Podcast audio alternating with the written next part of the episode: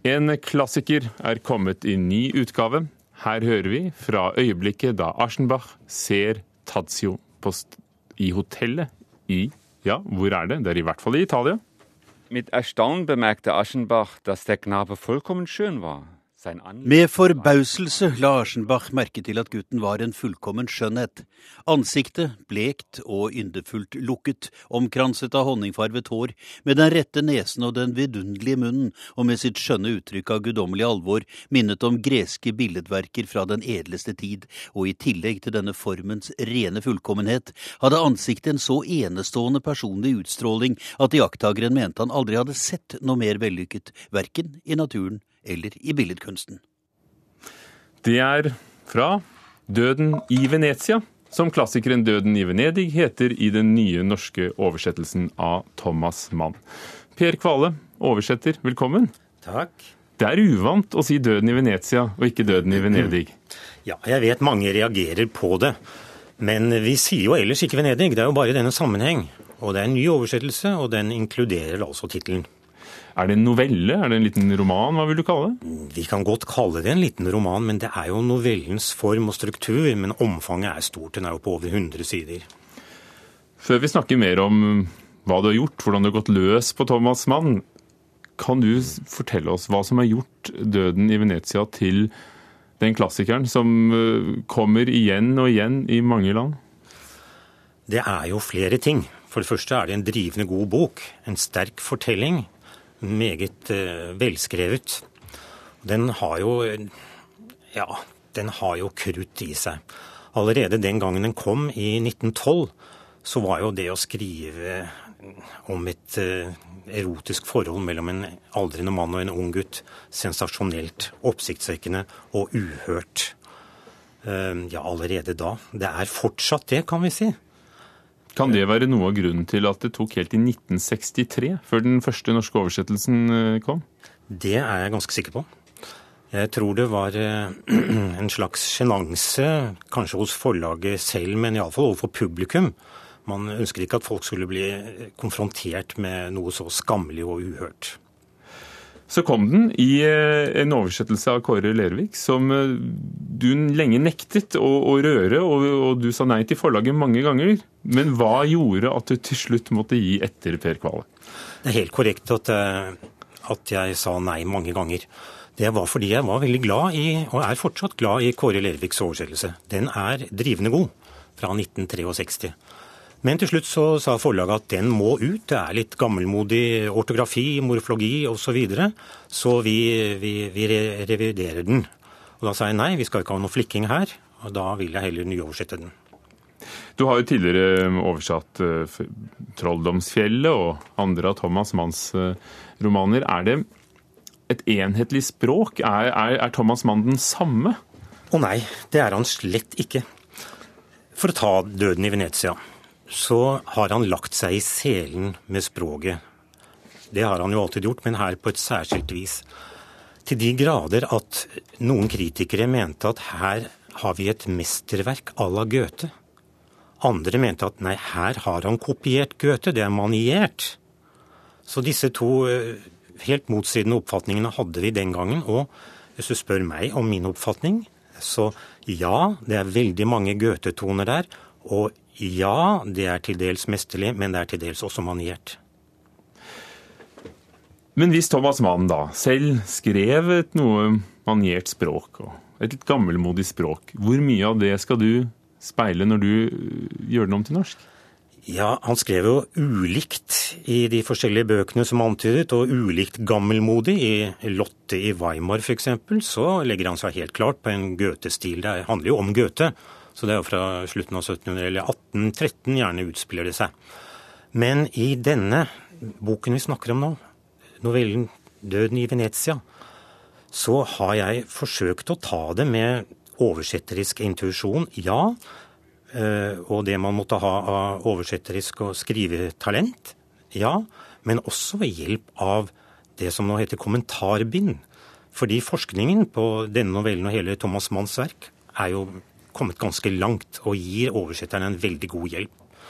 Også med det for hånden så kunne jeg også gjøre det som eh, Kåre Lervik allerede hadde gjort så glimrende, men kanskje forbedre litt her og der.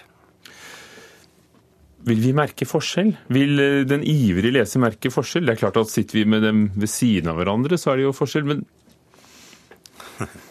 Ja, hvis man parallelleser, så ser man det straks. Men jeg tror det er mange som meg som eh, Ja, de leser jo ikke bøkene parallelt. Og jeg tror man hygger seg fortsatt med Kåre Lerviks eh, oversettelse, og jeg håper at man kan gjøre det med, med min oversettelse også. Kan jeg påstå at du er mer tro mot mannen enn han var? Uh, Mot ja, originalen? jeg er vel å regne som en veldig trofast oversetter i den forstand, men ikke, ikke slavebundet, da, selvfølgelig. Man må jo gripe et eller annet sted hen og, og skape sin egen stil også. Og hvordan det foregår, kan jeg vel ikke forklare, men som sagt, oversetterisk intuisjon og oversetterisk erfaring og, og litt eh, vitenskapelig bakgrunn hjelper godt. Døden i Venedig Unnskyld, Døden i Venezia ja. handler om Aschenbach. Forfatter, kjent og berømt forfatter som eh, et, finner ut at han skal på reise, og så kommer han til slutt til Venezia og får øye på, på Tadzio, denne polske ynglingen, som er en skjønnhet som vi hørte beskrevet, beskrevet først. Ja, Hvilke paralleller er det til eh, Thomas Manns eget liv? Ja, de er ganske klare, fordi Thomas Mann var i Venezia i 1911. eh, Sammen med sin bror og sin kone for øvrig.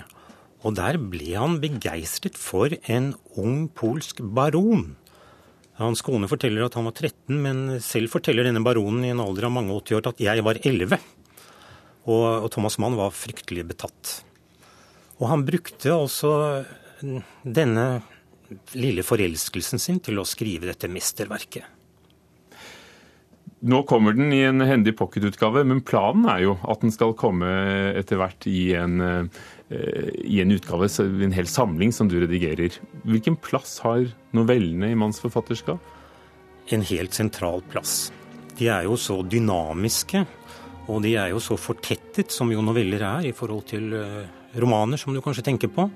Og, og de er fremragende. Så jeg håper at jeg har valgt ut de fem mest eh, fremragende. I bakgrunnen her hører vi Adagetto fra Malers femte symfoni, som for alle som har sett Lucchino Viscontis eh, filmatisering av Døden i Venezia fra 1971, gir disse bildene Har du, har du klart å løsrive deg både fra tidligere oversettelser og, og fra filmen, når du har jobbet med den? Ja, i filmen så er jo eh, Aschenbach eh, komponist. Selvfølgelig, han har jo skrevet Malers eh, symfonier, som du eh, er inne på. Eh, Så den er jo ikke noe å løsrive seg fra. Men eh, ja Jeg vet ikke riktig hva jeg skal svare, svare til, det også.